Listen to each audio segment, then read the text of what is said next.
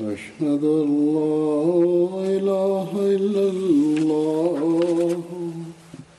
وحده لا شريك له وأشهد أن محمدا عبده ورسوله. أما بعد فأعوذ بالله من الشيطان الرجيم. بسم الله الرحمن الرحيم. الحمد لله رب العالمين. الرحمن الرحيم. مالك يوم الدين. إياك نعبد وإياك نستعين اهدنا الصراط المستقيم. صراط الذين أنعمت عليهم. غير المغضوب عليهم ولا الضالين. في الآونة الأخيرة. كنت مسافرا في جولة إلى بعض الدول الأوروبية حيث كانت الجلسة السنوية في هولندا وفرنسا. وافتتاح بعض المساجد كما كانت هناك برامج متنوعة أخرى أيضا. في فرنسا عقد برنامج في مبنى يونسكو بإذن من إدارتها وكانت الجماعة أقامت مأدبة لهم أيضا. فقد وفقت هناك لتبيان تعاليم الإسلام ومساهمة المسلمين في التقدم العلمي. يونسكو مؤسسة تابعة للأمم المتحدة، وأقيمت لترويج العلوم والمعرفة والثقافة. ومن مهامها إقامة حرية الصحافة ومكافحة الفقر وحماية التراث وغيرها.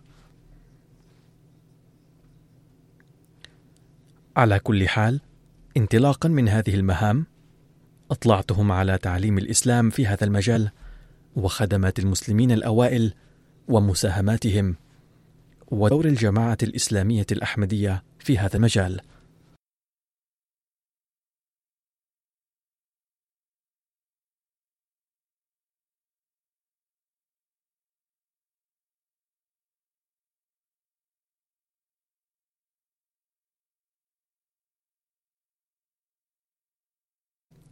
كما أطلعت المثقفين ورجال السياسة على تعليم الإسلام في عاصمة ألمانيا برلين. وبينت لهم تعليم الإسلام وبذلك حاولت إزالة ما رسخ في أذهان الأوروبيين ولا سيما في ألمانيا وبعض البلاد الأخرى أن الإسلام لا يتوافق مع الثقافة الأوروبية. لذا يجب ألا يأتي الإسلام إلى هنا وأنه خطر على أوروبا. وكان من بين الحضور مثقفون ودبلوماسيون أيضا. فهم أبدوا ردة فعل إيجابية جدا وتأثروا بكلامي كثيرا. وكذلك وفقني الله لتعريف الإسلام وبيان تعليمه في المناسبات الأخرى. فالحمد لله على أني لاحظت أفضاله تعالى في كل مكان. الآن سوف أقدم لكم بإيجاز انطباعات بعض الضيوف الأجانب عن هذه المناسبات والبرامج. ويستشف منه أن هؤلاء الناس سنحت لهم في كل مكان فرصة لفهم التعليم الحقيقي للإسلام وإزالة مخاوفهم. في ثاني أيام الجلسة في هولندا ألقيت الخطاب في الضيوف غير المسلمين من الهولنديين. البالغ عددهم 125 إن رئيس بلدية مدينة نونسبيت التي فيها مركزنا قال في انطباعاته قبل مدة طويلة ما كنت أحب أن آتي إلى هنا أي إنشاء العلاقة مع الأحمديين لكنه مع مرور الوقت تحسنت علاقاتنا.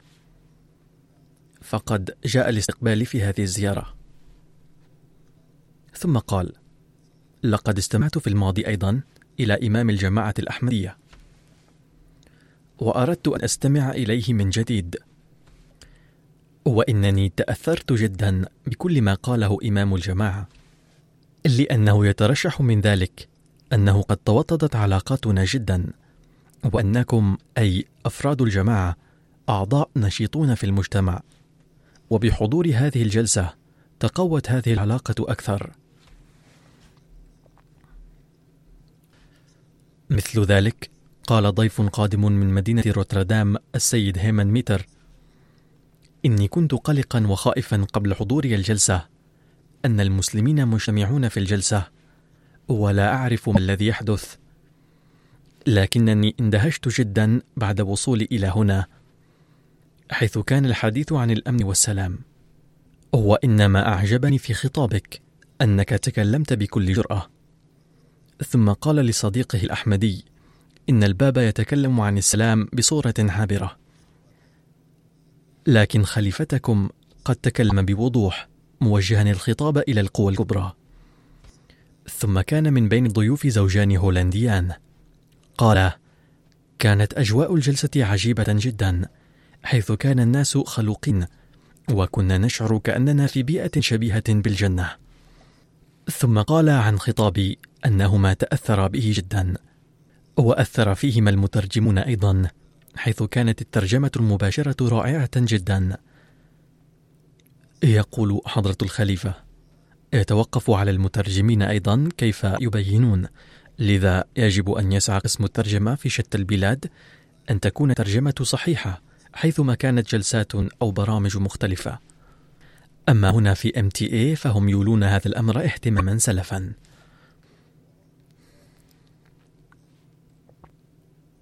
كان من بين الضيوف السيد ديني هاركينغ فقال عملت في التعليم فقبل أربعة أعوام بدأت تدريس اللغة الهولندية في إحدى المؤسسات. وهناك تعرفت إلى عائلة باكستانية حيث كانوا يأتون لتعلم اللغة. وتقوت علاقاتنا وأكدت لهم كل تعاون ممكن. وكان أولادهم أيضا يأتون لزيارتي. حيث كانوا يقضون معي بعض الوقت كل أسبوع. وتعرفت إلى الجماعة من خلال أولئك الأولاد. الآن أتيت هنا وأعجبني الجو. إن خليفتكم يتكلم عن السلام والتسامح. ثم قال إنني مسيحي وألاحظ أن جماعتكم لا تحسن إلى الأحمديين فقط بل لها علاقات طيبة مع أتباع كل أديان.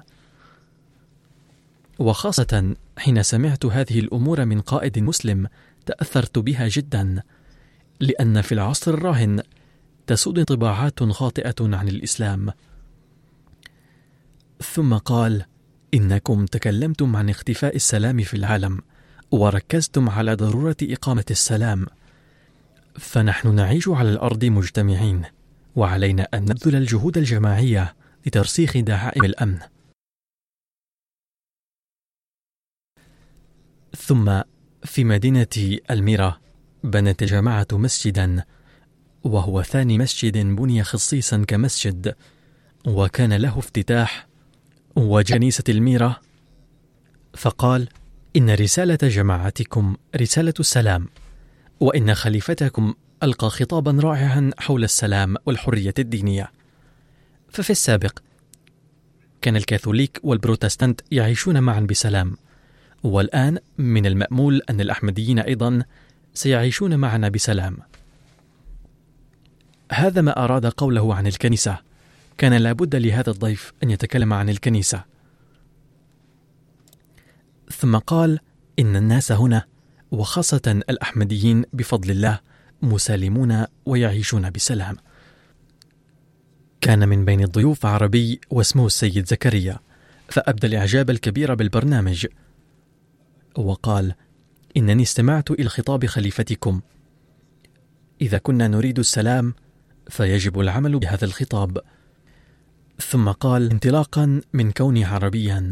أود أن أقول أيضا إن برنامجكم بدأ بتلاوة القرآن الكريم. وهذا الأمر كان محيرا لي في هذا البلد وفي الوقت نفسه أعجبني جدا أيضا. ثم كانت من بين الضيوف ضيفة هولندية السيدة دينا.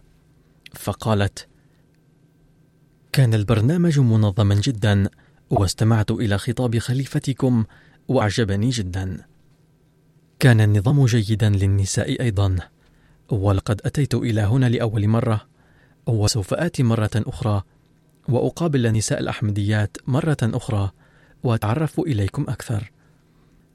قبل مجيئي إلى هنا حذرني جاري قائلا لا نعرف ماذا يقوم به المسلمون في أي وقت.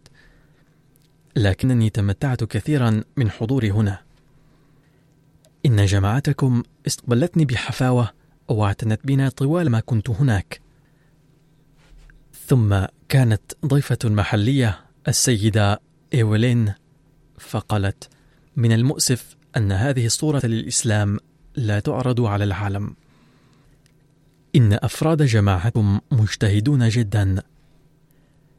اليوم رأيت هذا المسجد أول مرة وأود أن آتي إلى هنا في المستقبل أيضا لأني قد وجدت في مسجدكم سكينة يقول حضرة الخليفة. هناك انطباعات كثيرة جدا وبينت لكم بعض منها.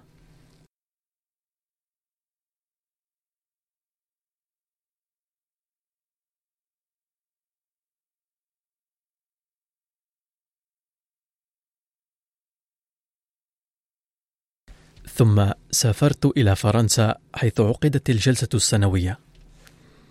وهنا أيضا عقد اجتماع مع الضيوف غير الأحمديين حيث حضر 75 ضيفا تقريبا. فقالت ضيفة وهي مختصة بعلم الإنسان حين قال الخليفة إنه يستنكر هجمات مختلفة شنت على فرنسا فقد وضح أنه لا علاقة للإسلام بهذه الهجمات. ثم قالت إن الصورة الحقيقية التي قدمها إمام الجماعة للإسلام يستشف منها أن المسلمين يمكن أن يندمجوا في المجتمع الغربي بسهولة. ثم قالت إن الذين يقولون إنه لا مكان في العالم الغربي للإسلام ولا يستطيع المسلمون العيش هنا معا فهم مخطئون. كان يجب أن يستمعوا إلى خطاب اليوم.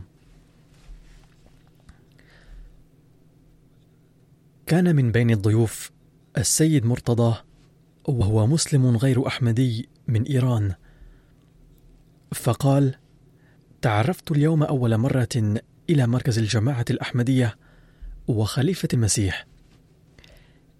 إن الناس يقومون ضد الإسلام بدعاية وإن خليفتكم قد رد عليهم جميعا ردا قويا فالمسلمون لا يعلمون عن معتقداتهم وإيمانهم. يجب أن يتعلموا الإسلام من خليفتكم.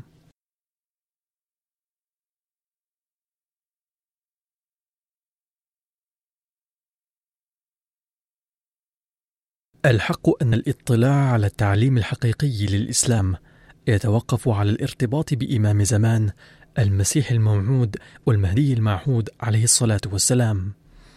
وما دام المسلمون لا يدركون أنه يجب عليهم مبايعة سيدنا المسيح الموعود عليه السلام لا يمكن أن يطلعوا على الإسلام الحقيقي الصحيح.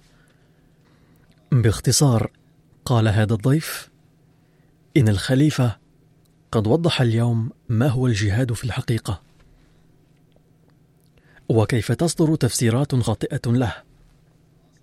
إن الوقائع التي سردها الخليفة من صدر الإسلام ومن سيرة النبي صلى الله عليه وسلم تثبت أن الإسلام دين يحب السلام. لقد استمعت إلى رسالة الإسلام بهذه الحكمة أول مرة في حياتي. ثم يقول أحد الضيوف السيد سفيان وهو غير أحمدي ومن أصل مغربي: لقد أدركت بعد الاستماع إلى خطاب اليوم أنكم المسلمون الحقيقيون ويحيد عن جادة الصواب من يقول بأنكم لستم مسلمين. لقد كان كذبا ما علمني المشايخ في صغري عن الأحمدية.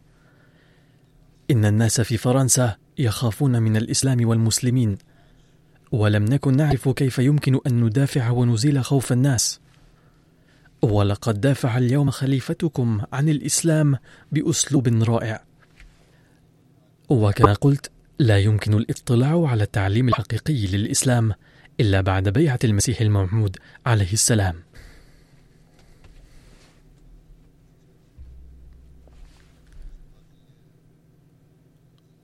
وقال أحد الضيوف المسيحيين السيد جيكوب: إن العالم بحاجة كبيرة إلى مثل هذه البرامج.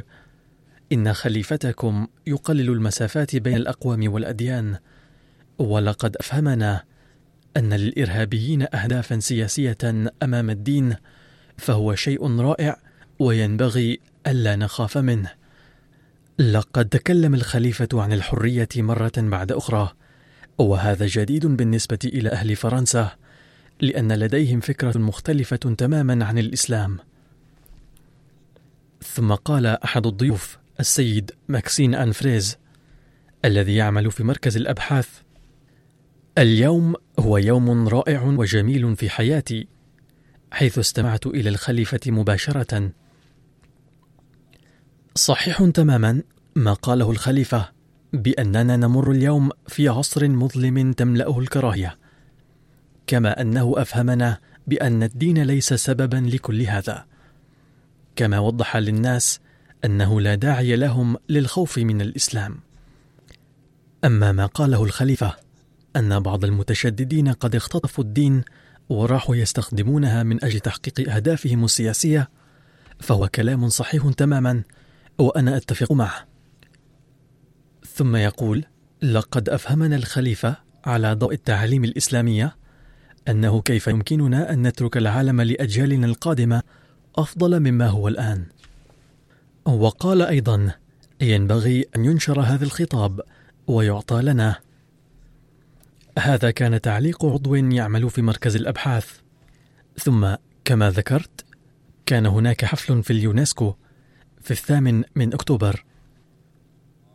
وقد اشترك فيه 99 ضيفا ومن بينهم سفير دولة مالي في اليونسكو والمسؤولون الكبار في وزارة الخارجية والداخلية في فرنسا والمستشار في الأمور الدينية في فرنسا ومدير قسم الأديان. ورئيس مؤسسة النات موموريال وأعضاء البرلمان ومستشارون ورؤساء البلديات وأفراد من مؤسسات حكومية مختلفة ومدراؤها. قال السفير المالي في اليونسكو السيد عمر معبرا عن انطباعاته إن إمام الجماعة الأحمدية ينشر الأمن والسلام وإنني أبارك لكم على رسالتكم للأمن والسلام. إن منظمة اليونسكو لهي مكان مثالي للحديث عن الأمن والسلام ثم عبر عن مشاعره الأخرى وأنه تعلم كثيرا من الأمور من خلال استماعه لهذا الخطاب. ثم يقول هذا هو الشيء الذي تحتاج إليه الأمة الإسلامية.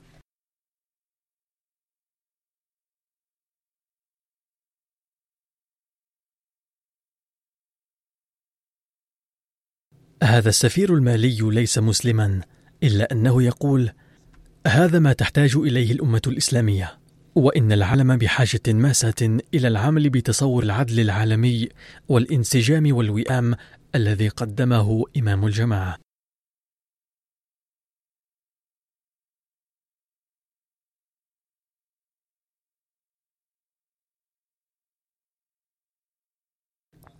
ثم أبدى السيد برينتون رئيس مؤسسة الناتو موموريال عن فرحته وسروره بحضوره هذا الحفل ثم قال إن هذا المؤتمر كان هاما وتاريخيا إذ يمكن من خلاله إقامة التسامح والأخوة. أتمنى أن يسمع أكبر عدد ممكن من الناس هذه الرسالة لإمام الجماعة الأحمدية. ثم يقول إنه يتكلم عن الإسلام الحقيقي الذي هو آمن ويعلم التسامح والتحمل وهذه الرسالة تختلف تماما عن أعمال المتشددين. إن إمام الجماعة يبذل قصارى جهده لنشر رسالة الأمن هذه وإن السعي لنشر الأمن والسلام لهو من أهم الأعمال ونحن مستعدون لمساعدته في ذلك.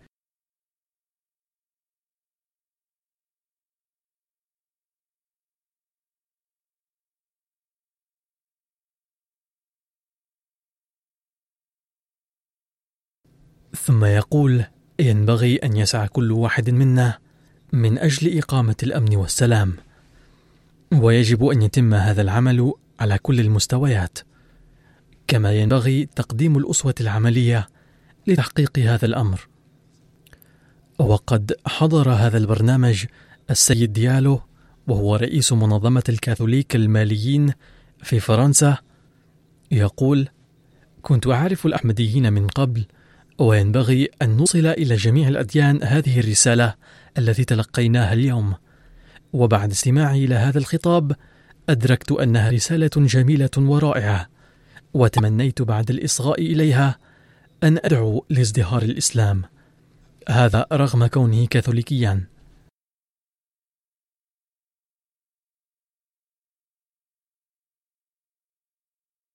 ثم يقول لو أقيم في العالم هذا الإسلام الذي يقدمه إمام الجماعة الأحمدية لانتهت منه جميع المشاكل والمسائل.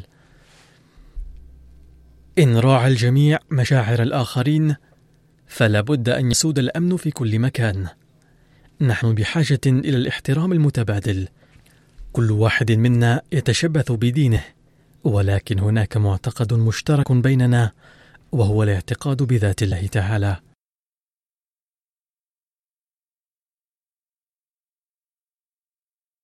ثم قال أحد الضيوف السيد برنارد لقد طرح اليوم تعليم مختلف عما نسمعه على التلفاز في الدعاية ضد الإسلام.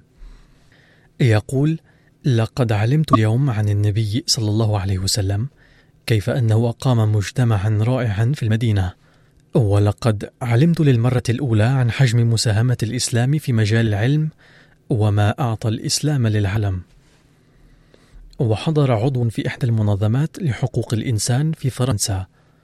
وقال كان الخطاب رائعا وعميقا حيث ذكر الخليفة بالتفصيل ضرورة العلم والخطوات التي اتخذت من أجل ترويج العلم كما ذكر تاريخ خدمات الإسلام للعلم. كانت هذه معلومات ممتعة جدا وقد حضر البرنامج عضو في مديرية المدينة وقال إنني رئيس قسم في المديرية لمكافحة التمييز بين الأعراق المختلفة. أعجبت لما سمعته في هذا الخطاب ولا سيما عن تكافؤ الفرص للنساء لاكتساب العلم وما سمعته فيه من التسامح والوئام بين الأديان. إنه لأمر غاية في الأهمية.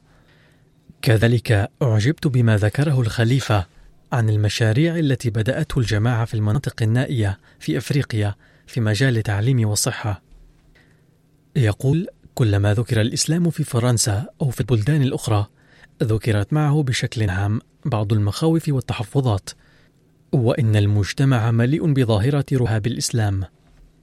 وفي هذه الأوضاع سمعنا اليوم عن الإسلام أمورا إيجابية. لقد سررت جدا بالمجيء إلى هنا لأنني كنت أتمنى أن آتي إلى هنا وأعرف أكثر عن جماعتكم وكيف تعمل؟ وأخذ عنكم معلومات أكثر فتحققت أمنيتي اليوم. ثم يقول ضيف آخر السيد ألكسندر لقد أعطى الخليفة رسالة الأمن وكان خطابه مبنيا على الحق والصدق. لقد تكلم بصراحة وبوضوح. أشعر أن الجماعة الأحمدية أوضحت موضوع العبودية إيضاحا كافيا. إنها رسالة رائعة قدمتها جماعة صغيرة من المسلمين وهي الجماعة الأحمدية.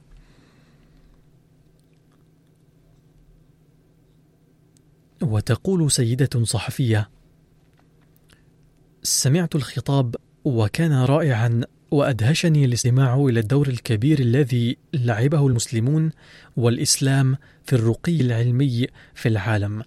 ولقد قدم الخليفة في خطابه أمثلة على ذلك. كما قدم مثال القرآن وأمثلة النبي صلى الله عليه وسلم كيف أنه أقام مجتمعا امنا. تقول لقد تعلمت اليوم من هنا كثيرا من الأمور.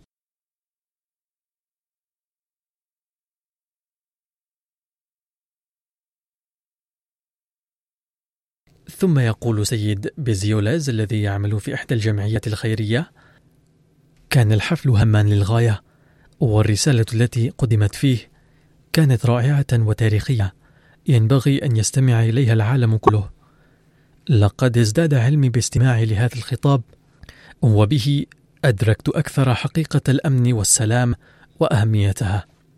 ثم كان هناك برنامج بمناسبة افتتاح مسجد لنا في مدينة فرنسية أخرى محاذية لحدود ألمانيا واسمها ستراسبورغ حيث اشترك حوالي 191 ضيفا. من بينهم عضوة البرلمان في هذه المنطقة ورؤساء البلديات من خمس مناطق مجاورة ومندوبون من أديان مختلفة ورؤساء منظمات مختلفة وشخصيات من مختلف مجالات الحياة. كما توافد بعض الناس بشكل خاص من البلدات الصغيرة المجاورة وذلك لأنه كانت لديهم مخاوف ونفور تجاه الإسلام. ولكن كانت انطباعاتهم بعد البرنامج مختلفة تماما. عضوة البرلمان السيدة مارتن تقول سررت جدا أنكم أعطيتم رسالة قوية هي رسالة الأمن والأخوة إنها رسالة للعالم كله. إن الأحمديين نشيطون ويريدون أن يحققوا ما يهدفون إليه وإن شعارهم ينعكس في أعمالهم.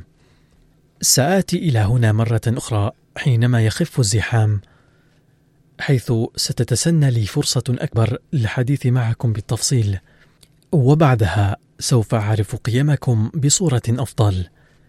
وإن هذه القيم ضرورية لفلاح مجتمعنا. لقد تكلم خليفتكم عن السلام والتسامح وهذه الرسالة بالغة الأهمية لفرنسا وأهلها. يجب أن يدرك الفرنسيون أن ما يعرفونه عن الإسلام عبر الإعلام مختلف عن الإسلام الحقيقي. هناك حاجة ماسة لمعرفة الإسلام الحقيقي. وقد حضر هذه المناسبة نائب رئيس قسم في مجلس بيرين وقال يوجد في منطقتنا مركز أوروبي للبوذيين المنحدرين من التبت وإني على معرفة بالأديان ومطلع جدا بخدمات اليهود والنصارى والبوذيين وغيرهم. ولكني قد أعجبت جدا بالخطاب الذي سمعته اليوم لأن هناك أمرين كلمات الخليفة وشعاركم الحب للجميع ولا كراهية لأحد. لقد قدمتم صورة الإسلام أروع تقديم. قد قدمتم صورة حقيقية للإسلام وهي مختلفة عن صورته التي تقدم للناس اليوم. هناك توافق كبير بين كلماتكم وبين نظريتكم. إنكم تؤمنون بفتح الأبواب لكل واحد. هذا ما تعلمته اليوم في هذه المناسبة، وهذا هو سبيل السلام.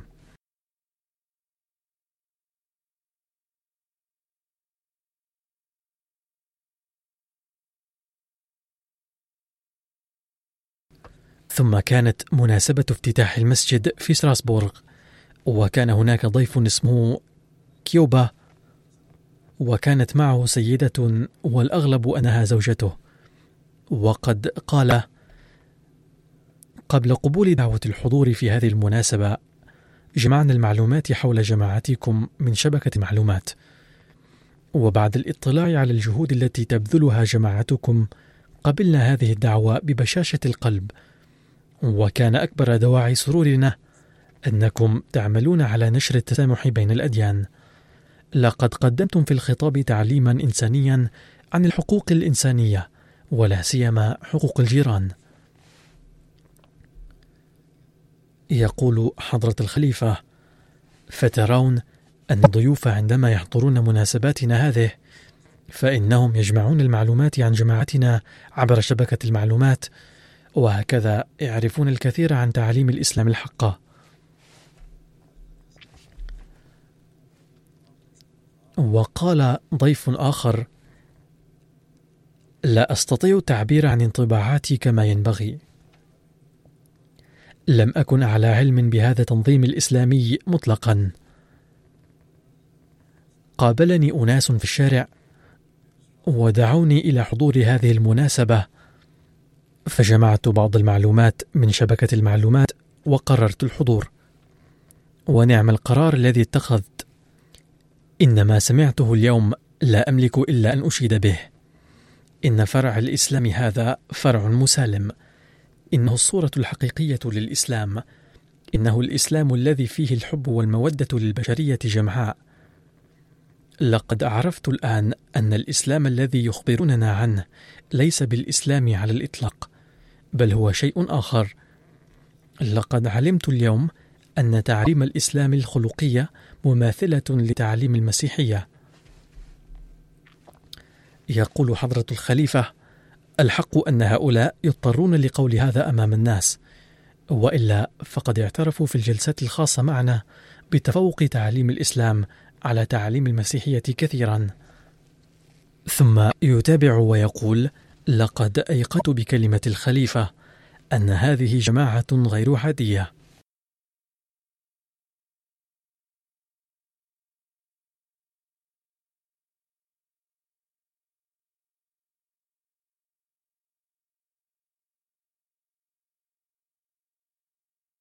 ثم هناك ضيف اسمه جاستين وهو رئيس مجلس المحافظة وقال كانت عندي مخاوف كثيرة في البداية عندما علمت عن مشروع بناء مسجد ولكن عندما سمعت شعاركم الحب للجميع ولا كراهية لأحد قلت في نفسي كيف يمكن أن يرفع أحد اليوم هتافا مليئا بالحب لهذه الدرجة؟ ومع ذلك ترفض دعوته. إن الجماعة الإسلامية الأحمدية يمكن أن تصبح سيفا مسلولا ضد الإرهاب والتطرف وتلعب دورا كبيرا في هذا السبيل. إن أهل فرنسا لا يعرفون عن الأحمدية كثيرا حتى الآن مع أنهم يجب أن ينظروا إلى موقف الجماعة هذا من التطرف والإرهاب ويجب أن يتعلموا منها. لذا من واجبكم أن تعملوا كثيرا.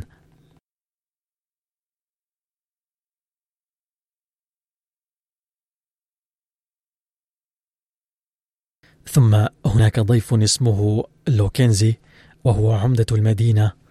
وقال لقد حضرت إلى هذا المسجد لأول مرة وإذا كان حضور المسجد يعني ما رأيته اليوم فإني سوف أحضر المسجد كل يوم.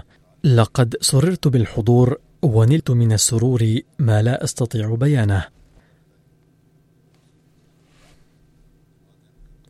يقول حضرة الخليفة ثم سافرنا إلى ألمانيا وفي الرابع عشر من أكتوبر كان هناك افتتاح مسجد فيسبادن وعقدت مناسبة افتتاحه في صالة كبيرة إذ لم يكن في فناء المسجد متسع كاف وحضر هذه المناسبة 370 ضيفا بمن فيهم عمدة المدينة وأعضاء البرلمان الإقليمي وممثلون عن الوزارات الحكومية ومدراء الدوائر الحكومية المختلفة وضباط الشرطة والأطباء والمحامون وآخرون من مختلف شعب الحياة.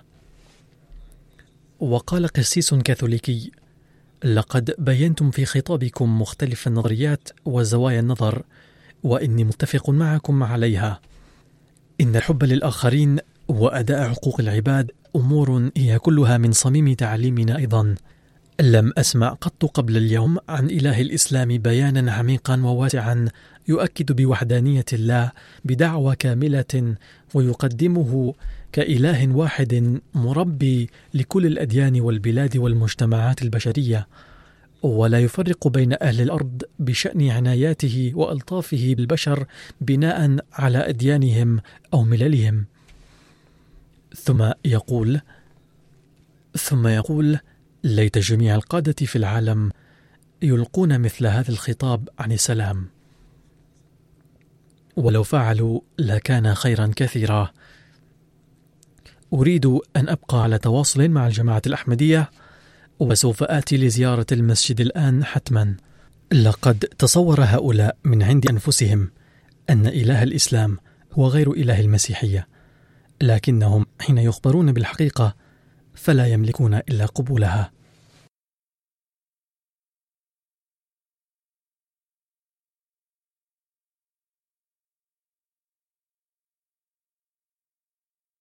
وشارك في هذه المناسبة ممثل الكنيسة من مدينة ماينز وقال إن ما قدمتم من تعاليم الإسلام المفصلة عن حقوق الجيران كان شيئا جديدا تماما وممتعا لي جدا. لقد سمعت اليوم أول مرة من شخصية دينية هذا التأكيد الشديد على حق الجار. وحضر هذه المناسبة محام من شركة للمحامين وقال: كان أهل مكتبي متحيرين سلفا من سعة فكر الجماعة الأحمدية، ولكن ما زادني حيرة هو ما بينتم اليوم من حقوق الجار تعريفا واسعا للجار، إذ يجعل هذا التعريف أهل المدينة كلهم جيرانا.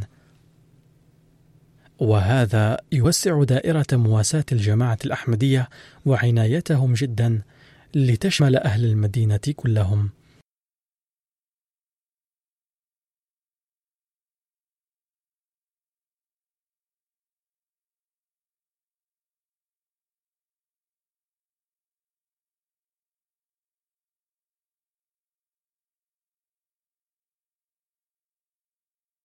ثم هناك ضيفة أخرى السيدة سوسان وهي معلمة وقالت إن أكثر ما أعجبني في خطاب الخليفة هو قوله إن لنا كلنا خالقا واحدا وإننا نؤمن بإله واحد. يجب أن نتذكر هذا الأمر دائما. وهناك سيدة اسمها بوني وهي من حزب دايغرون وتعمل في قسم الاندماج في برلمان مدينة فيسبادن قالت شعرت أن هذا الخطاب مشجع جدا. كان فيه أمر في غاية الأهمية لي ولن أنساه ابدا وهو أن على جميع الأحمديين أن يكونوا نافعين للمجتمع. هذه النصيحة يجب ألا يعمل بها الأحمديون فقط بل علينا جميعا أن نعمل بها. ولو أن جميع الفرق الإسلامية أصبحت متفتحة كالأحمديين لسهل علينا جميعا العيش معا.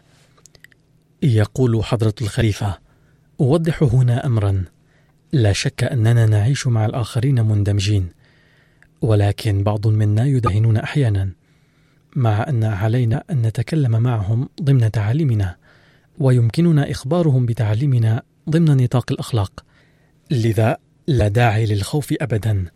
الاندماج يعني أن نبين لهم تعاليم الإسلام متحلين بحسن الأخلاق. أتحدث الآن عن الضيف التالي وهو معلم في مدرسة. وقال لقد تعرفت على الجماعة الأحمدية أول مرة هنا.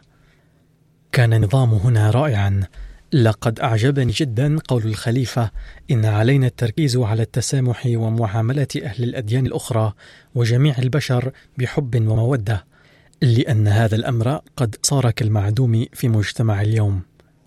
إن الأديان الأخرى بدأت تنسى هذا الأمر باستمرار، ولكنكم تولونه الأهمية. سوف أزور مسجدكم حتما لأجد الأجوبة على الأسئلة التي تخطر ببالي. إني أعمل طبيبا. لو وجد الناس في الأوساط الدينية ما ذكره إمام الجماعة الأحمدية اليوم في خطابه من تعاليم ومبادئ لساد المجتمع احترام القيم الإنسانية لابد للكنيسة أيضا نشر هذه النظرية على نطاق واسع. لا تزال الكنيسة تهرب من أسئلة كثيرة، علما أن هذا الضيف مسيحي، ومع ذلك يقول: لا تزال الكنيسة تهرب من أسئلة كثيرة. يقول الضيف: بينما تناول إمام الجماعة الأحمدية كل سؤال واعتراض محتمل ورد عليه من زوايا شتى موضحا موقف الإسلام بدون أي خوف. ثم يقول ومن المفرح أن كل توضيح وشرح قدمه الخليفة لحري دفع المجتمع الإنساني إلى السلام والصلح والحب والوئام. وهناك سيدة اسمها هايك برادر المحترمة قالت لقد أخبرتم أن رب العالم كله هو رب العالمين. وقد أعجبني هذا التصور الواسع عن الإله. من المحير أن الله مع كونه واحدا أحدا هو إله كل الديانات والبشر والشعوب والأمم. ويربي الجميع بدون تمييز. فلابد لكل مدبر وعاقل من الإيمان بوحدانية الله تعالى بل يتحتم عليه أن يؤمن بالله الأحد الذي يملك القدرات كلها. ومن واجب كل أحمدي أن يبلغ رسالة التوحيد إلى كل شخص. تقول سيدة باور إنه لشرف كبير لي أنني استطعت الاشتراك في هذا الحفل المبارك. كانت في ذهني بعض المخاوف وسوء الفهم ولكنها زالت كلها نتيجة بيان إمام الجماعة الأحمدية موقفه. وشرحه وتوضيحه تعليم الإسلام الحقيقي. والآن كل شيء أصبح واضحا لي. قال ضيف آخر الأهم ما قيل بشأن إقامة الأمن والسلام هو أن على الإنسان أن يراعي قيم الآخرين. كنت أعلم أن هناك فرقا مختلفة في الإسلام ولكن ما كنت أعرف عن هذه الجماعة المسالمة إلى هذا الحد. وقال ضيف آخر اسمه سيد مختاري ويعمل في سلك الشرطة في مدينة ويزبادن الألمانية. إن حفل اليوم قد وضح بجلاء أن المسلمين يريدون أن يروا بصورتهم الأخرى أيضا وهي أن الإسلام يحب الأمن. لقد أعجبت ببيان الخليفة أنكم تعملون على مشاريع مختلفة في أفريقيا.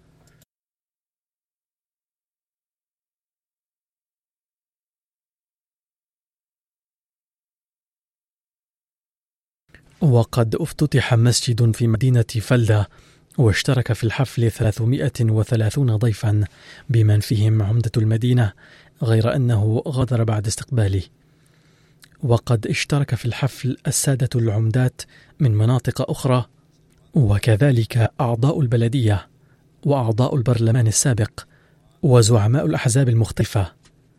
في تلك المنطقة هناك مؤسسة اسمها مؤتمر الطاولة المستديرة للأديان فقد حضر الحفل زعيمها أيضا. في مدينة فلدا يكن أهلها مخاوف كثيرة ضد المسلمين بوجه عام بل هناك جو معادي للمسلمين. هذه المدينة مركز قديم للمسيحية ومحافظة على تقاليدها. أو على الأقل تريد الكنيسة أن يحافظ الناس على تقاليدهم ولكن الناس يبتعدون عن المسيحية رويدا رويدا في هذه المدينة أيضا. على أي حال لم يحضر ممثل الكنيسة كلهم بسبب المخاوف المذكورة كما لم يحضر بعض من رجال السياسة. قال عمدة المدينة أنه سيستقبلني ولكن لن يلقي كلمته أمام الحضور. فبقي جالسا بعد استقبالي ولكنه لم يجلس على المنصة خشية معارضة الناس.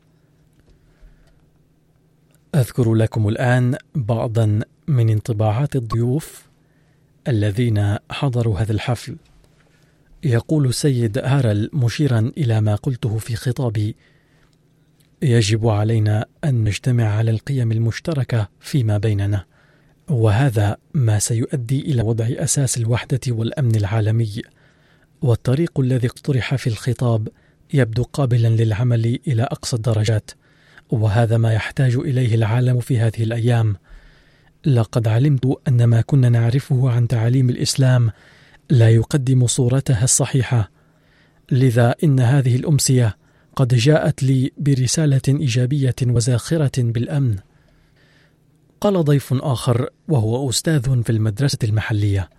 يجب أن يسمع الطلاب هذا الخطاب ثم ليسألوا ماذا فهموا منه؟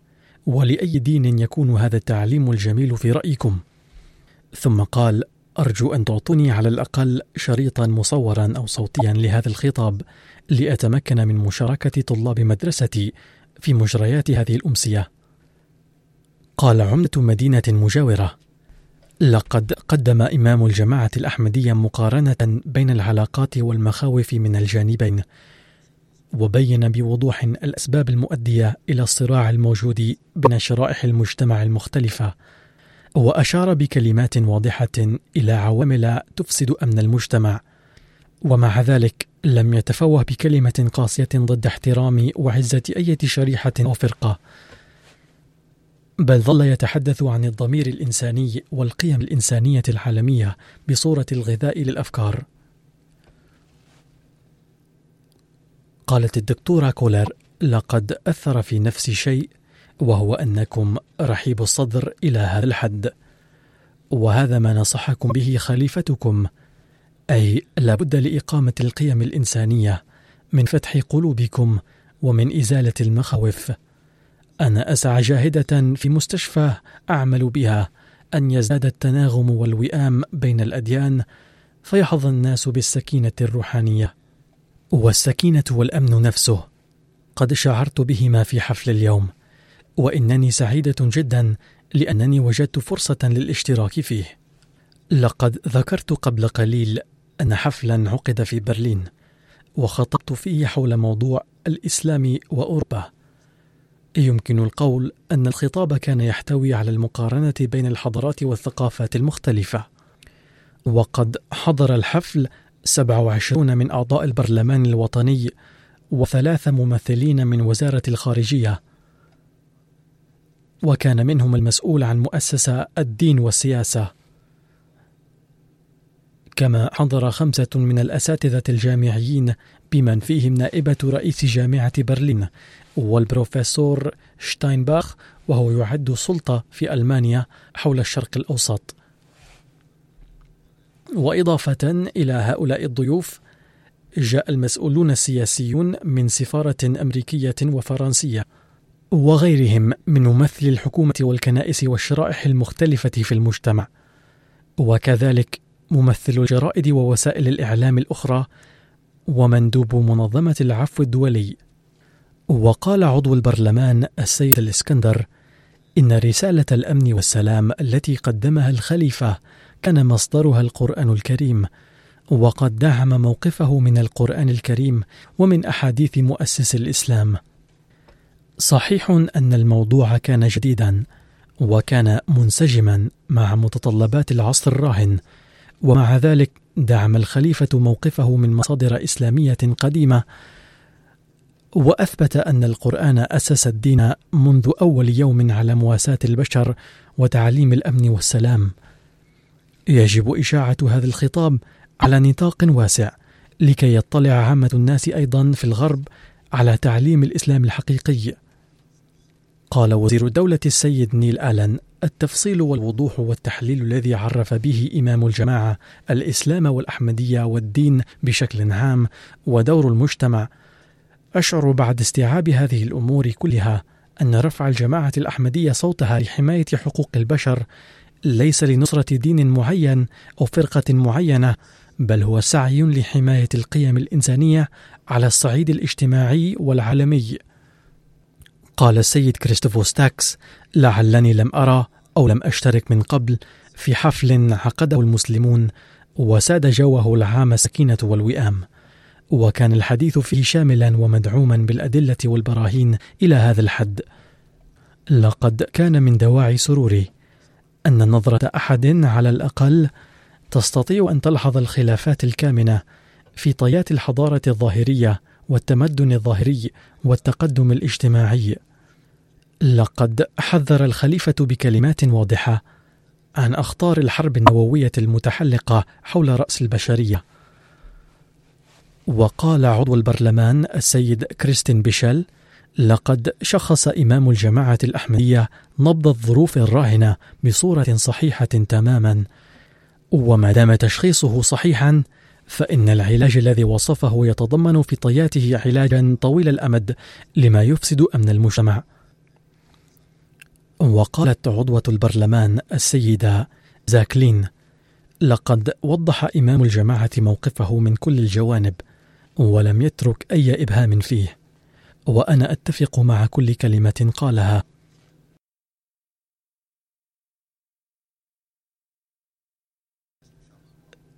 قال البروفيسور هيربرت هايدي لقد أحللتم الجماعة الأحمدية في مكانة بارزة بين الجماعات الدينية الأخرى نتيجة إبرازها في مجال التعليم.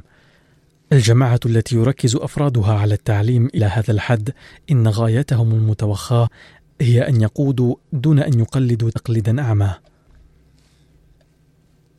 وقال عضو برلماني آخر اسمه السيد إكسل سأقرأ هذا الخطاب مرة أخرى وسأنقله للآخرين أيضا بقدر استطاعتي. قالت السيدة سبين ليدن ليست لي علاقة مع أي دين ولكن كما شعر إمام الجماعة الأحمدية قبل الأوان بألم الجيل البشري القادم ونبه به القيادة المعاصرة فقد ترك هذا الأمر في نفسي تاثيرا عميقا وأتمنى أن تنتشر هذه الرسالة على نطاق واسع لينتبه إليه شعور الناس الجماعي فيدركوا مسؤوليتهم تجاه الأجيال القادمة. قال البروفيسور كريستوفر كريستوف ووكمان لقد أعجبني البرنامج كثيرا وتعلمت من خطاب الخليفة كثيرا. وقد سجلت عندي في أثناء الخطاب ملاحظات كثيرة عن النصوص القرآنية التي ذكرت في الخطاب وسأقرأها مرة أخرى بعد وصولي إلى البيت. وقال أحد الضيوف المسيحيين لم أسمع من قبل قط أن الإسلام يتعلق بالأمن إلى هذه الدرجة ويهدف إلى إقامة الأمن. لقد سررت كثيرا على أن خطاب إمام الجماعة الأحمدية سمعه ممثل الأحزاب السياسية المختلفة. وإضافة إليهم رأيت هنا ربي يهودا وممثلي فرق المسلمين الأخرى أيضا. قال ضيف آخر لقد وجهت في الخطاب أنظار كل شخص إلى مسؤوليته بشأن إقامة الأمن وقد وضح بكلمات سهلة جدا أن على الناس جميعا أن يعيشوا بالأمن والحب المتبادل. ولهذا الغرض يجب على الجميع أن يحترموا الآخرين. وإن إمام الجماعة الأحمدية بين أيضا أن كل شيء موجود في العالم بقدر وفير ويكفي للجميع إذا استعمل بطريقة صحيحة. ثم تقول ضيفة إن حضرته وجه إلى أمور كثيرة. وأول ما ذكره هو أن اليوم لا يعطي المجتمع أي أهمية للدين وينظر إليه بنظرة سلبية. وهذا ما نشعر به نحن المسيحيون أيضا. والشيء الثاني الذي وجدته مهما للغاية في خطاب الخليفة هو أهمية التعليم والتربية. إنما الجماعة قدوة في ذلك لأن الناس حين يعرفون تعليم كتابهم المقدس يستطيعون أن يجتنبوا كثيرا من المشاكل فاليوم إنها مسؤولية الشباب الأحمديين أن يقرأوا القرآن الكريم بوجه خاص ويفهموه حتى يتمكنوا من تفهيمه هؤلاء الناس لكي يضطروا ليتدبروا فيه ويفهموا حكمته ويعملوا بتعليمه أو يقبلوه. ثم يقول المتحدث باسم منظمة العفو الدولية لقد شعر قلبي بطمأنينة كبيرة لما سمعته من أمور في الخطاب وما قاله الخليفة نقلا عن الخليفة الثاني للجماعة في تعريف التمدن والحضارة وارتباطهما. لا يسع مفكر هذا العصر الجديد إنكاره. ثم قال الخليفة شرح الآيات القرآنية بأسلوب جميل وهي الآيات التي يقدمها أعداء الإسلام من دون ذكر سياقها. ثم قالت سيدة اسمها ناهوندي إن نشر هذا الخطاب في أوروبا على نطاق واسع سيزيل المخاوف السائدة عن الإسلام ويقضي على التأثير السلبي الشائع من جهة واحدة. ثم كانت هناك مناسبة افتتاح المسجد في مهدي آباد بألمانيا. وقد حضرها 170 ضيفا بما فيها أعضاء البرلمان الألماني ورئيس المجلس البلدي وأعضاء البرلمان الإقليمي. ورؤساء الجمعية ونوابهم. خمسة عمدات ورئيس البرلمان. قالت ضيفة وهي نائبة العمدة سوف أنشر ما قاله الخليفة بعد عودتي وكلما اعترض أحد على الإسلام سأدافع عنه بأقوال الخليفة. إنه لم يخاطبنا نحن الضيوف فقط بل وجه أفراد جماعته أيضا ليخدموا البشرية أكثر من ذي قبل بعد بناء هذا المسجد ثم قالت سيدة اسمها أنجليكا لقد تعلمت من هذا الخطاب أنه يجب أن نتأمل في كيفية تعاملنا مع الآخرين في حياتنا اليومية ويجب أن نساعد المعارف والأجانب جميعا. ثم قال أحد الضيوف سررت جدا بمجيئي هنا لقد زالت كثير من مخاوفي عن الإسلام وخلق المواساة الذي ذكر في الخطاب هو مهم لجميع الأديان. ثم قال أحد الضيوف اسمه أنسايا ألف وهو مستشار للسيد الرئيس. ما أعجبني في الخطاب أكثر هو أن الخليفة ذكر أمورا تتسبب في توحيد العالم كله. إنني عضو إحدى الكنائس المسيحية ومع وجود كثير من الاختلاف في ديننا ودينكم وطريق عبادتنا قد ذكر إمام الجماعة كثيرا من الأمور التي يستطيع الجميع تأييدها. إنني أؤمن بأن إله الجميع هو إله واحد إلا أن طريق العبادة يختلف. يقول حضرة الخليفة لقد بدأوا يقرون لهذا الحد. قال أحد الضيوف السيد بيتك. ذكر الخليفة في خطابه مقام المرأة بأسلوب حسن جدا. مما يظهر مقام المرأة في الإسلام واحترامها في المجتمع. ندعو الله تعالى أن يشرح صدورهم لقبول تعليم الإسلام الحقيقي ويوفقهم لقبوله وللإيمان بالتوحيد الحقيقي وللمجيء تحت راية النبي صلى الله عليه وسلم لأن في ذلك بقاءهم وإلا ظنهم بأن بقاءهم في الرقي المادي المؤقت ظن خاطئ ولا ضمان لبقائهم.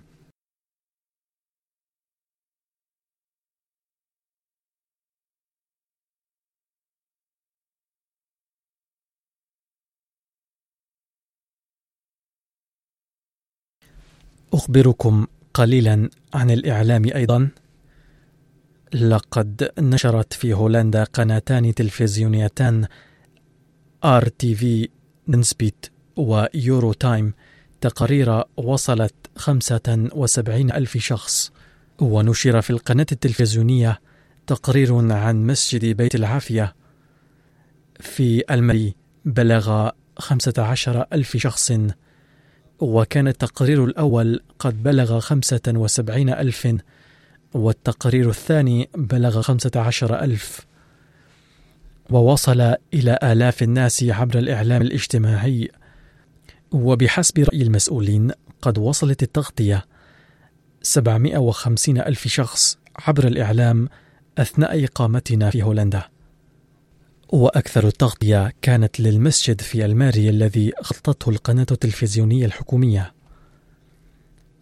نشرت وكالة الأنباء الوطني في فرنسا مقالا عن خطابي في اليونسكو وأبدى صاحب المقال في نهاية مقاله استغرابه أن الخليفة لم يقل شيئا عن المظالم التي تحل بالأحمديين.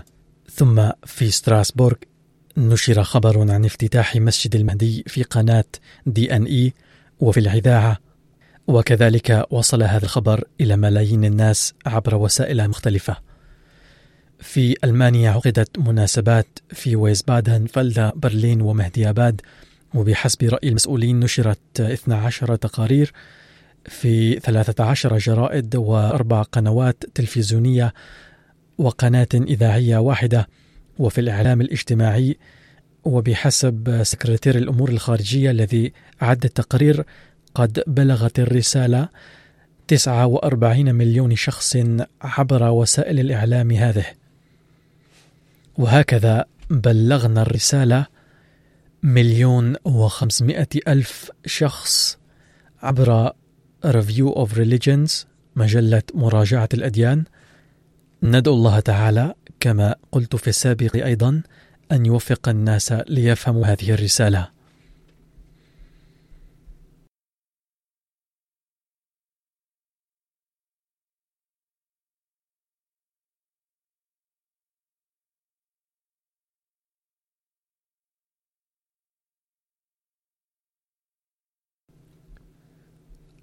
وبعد صلاة الظهر والعصر سوف أصلي صلاة الغائب على مرحوم وهو المولوي محمود أحمد داعية الجماعة في بالكاتس بمحافظة كيرلا لقد توفي في الخامس عشر من أكتوبر عن عمر يناهز أربعا وخمسين عاما.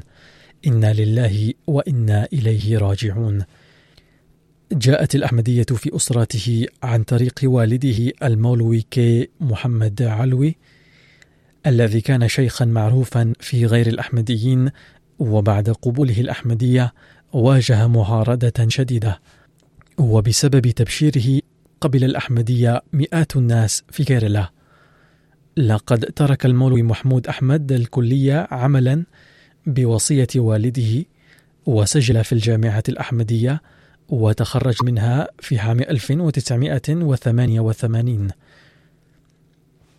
كان المرحوم عالما جيدا وتقيا وملتزما بالصلوات والصيام والتهجد وكثير الدحاء ومهتما بالفقراء وصابرا وشاكرا وإنسانا مخلصا. وكان قرأ القرآن والحديث وكتب المسيح الموعود عليه السلام وكتب الخلفاء قراءة عميقة. وكان ماهرا في اللغة العربية والأردية والمليامية والتاملية. وكانت لدى المرحوم مكتبة شخصية فيها كتب كثيرة ونادرة. وخدم الجماعة في محافظة كيرلا وتامل ولكشديب وفي الكويت. كان خطيبا بارعا ومناظرا وقام بمناظرة مع شيخ معارض جدا للجماعة بأمر من الخليفة الرابع رحمه الله في عام 1994 برفقة المولوي دوست محمد شاهد والحافظ مظفر أحمد. كان المرحوم منخرطا في نظام الوصية وترك في ذويه زوجتين وثلاث بنات. واثنان من أصهاره أزواج بناته من الواقفين الحياة.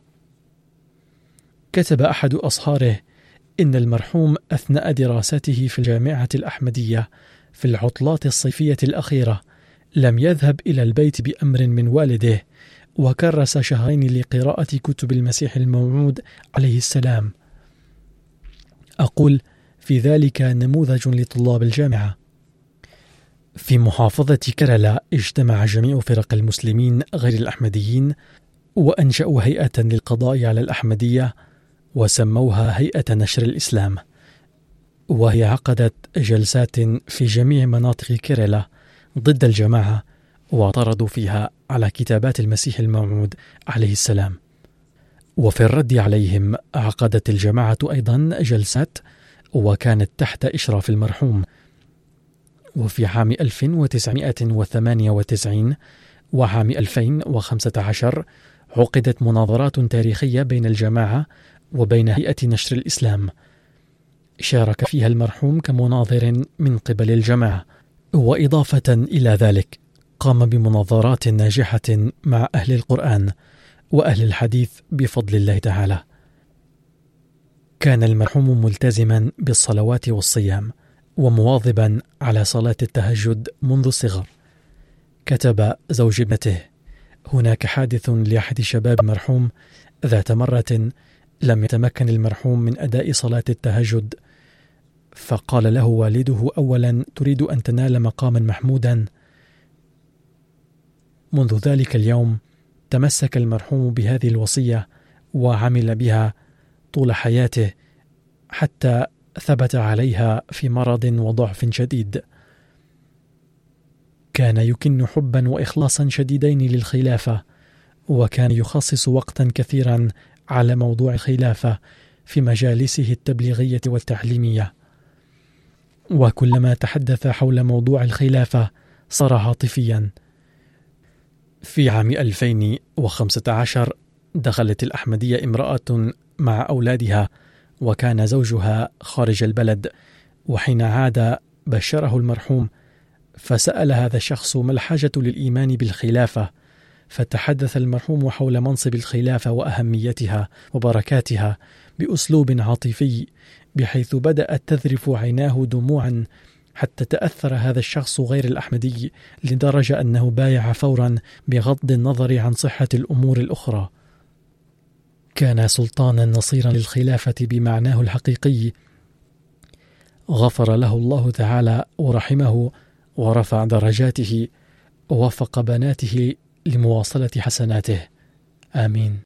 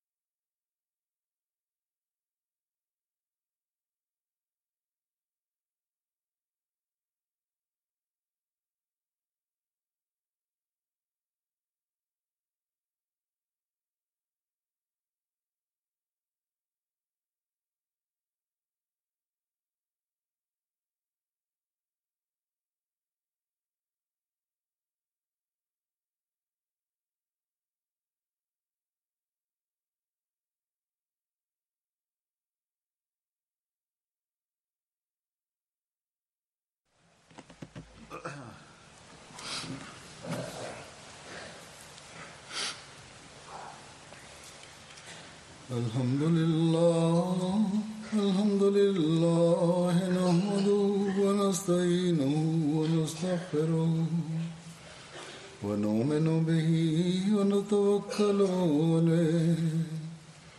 ونعوذ بالله من شرور أنفسنا ومن سيئات أعمالنا.